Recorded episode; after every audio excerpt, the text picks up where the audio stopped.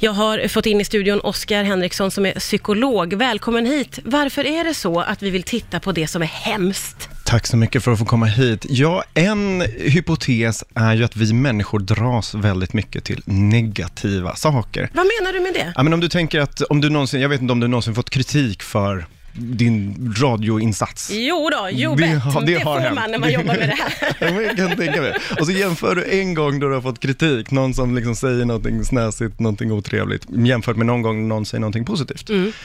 Var de lika starka de två upplevelserna? Nej, jag har en tendens att minnas det negativa mycket mer, eller haka upp mig på det. Och du verkar inte vara ensam. Det här verkar vara väldigt mänskligt och man har gjort experimentella studier, så här, blir du mer glad av att få tusen kronor jämfört med hur ledsen du blir av att förlora tusen kronor och, och så vidare. Ja.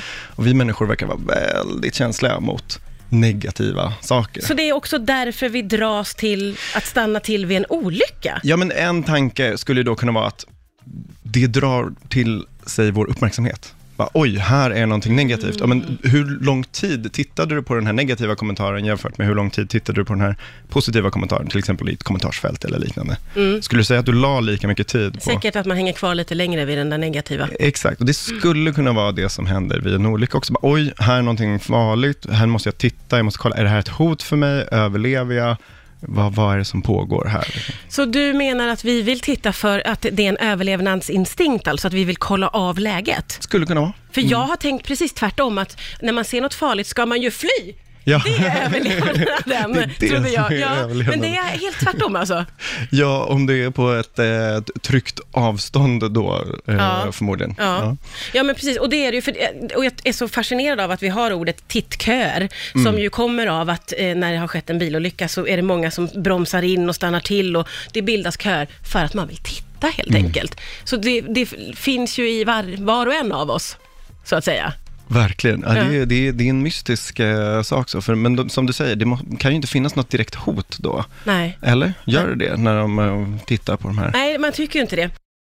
Vad är det i oss som gör att vi vill hänga kvar? Och, och vad är det som, eh, om man nu ställer sig och tittar på en brand till exempel. Jag har ganska färskt i minne när den här storbranden i Borås var. Det var bara någon vecka sedan. Då vet jag att polisen gick ut med ett VMA om att det var farlig rök, man får inte vara ute, man ska stänga dörrar och fönster. Och ändå sprang folk ner och ställde sig vid branden. Jag tänker, då är det direkt farligt. Va, vad är det i oss som vågar liksom gå emot ett sånt hot? Och kanske så är det ju också att du blir lite uppmuntrad, för du får eh, någonting innehåll till dina sociala medier. så. Det finns ju den här eh, fantastiska filmen Nightcrawler, där en lite knepig man upptäcker att, men om jag filmar olyckor så får jag bra betalt. Och han har ju liksom ingen inre moralisk kompass själv, utan han är ju bara liksom en effekt av vad han uppmuntras till att, att göra. Eh, så. så det finns ju en stor risk om vi liksom belönar dem som eh, skickar upp den här sortens videor eller liknande. Och man får ju en belöning i form av likes. Alltså, Ja, exakt, det behöver ju exakt. Mm. inte handla om pengar ens, utan eh, så, så det, kan det vara så att vi hellre vill få likes än att hjälpa en annan person? Är det det? Är det det vi säger blir, det, blir, Oscar? det blir väldigt hårdraget, men ja, tänk om det är så. Ja. Ja, det är ju fruktansvärt. Eller en bra berättelse i skolan Ja. eller på jobbet. Vet Ja. du vad jag såg? Jag såg den här branden. Liksom. Men vad är det som gör att när man st- står ett gäng och liksom, att, att alla verkar tänka samma, att någon annan kommer väl att ta sig an det här? Ja, det här är ett klassiskt eh, psykologiskt fenomen som kallas bystander-effekten eh, från ett eh, hemskt mord 64, där alla bara stod och kollade på och ingen ingrep. Och teorin... Men det skedde på öppen gata då? Ja, ja, precis. Ja, det var väl mellan hus om jag minns det Ja. rätt så här, Ja. på- på kvällen. Men då är ju liksom, risken är att så fort vi har fler personer så är det risk att vi tänker att nej, men det är någon annan som gör det här. Ja, jag behöver inte göra det här.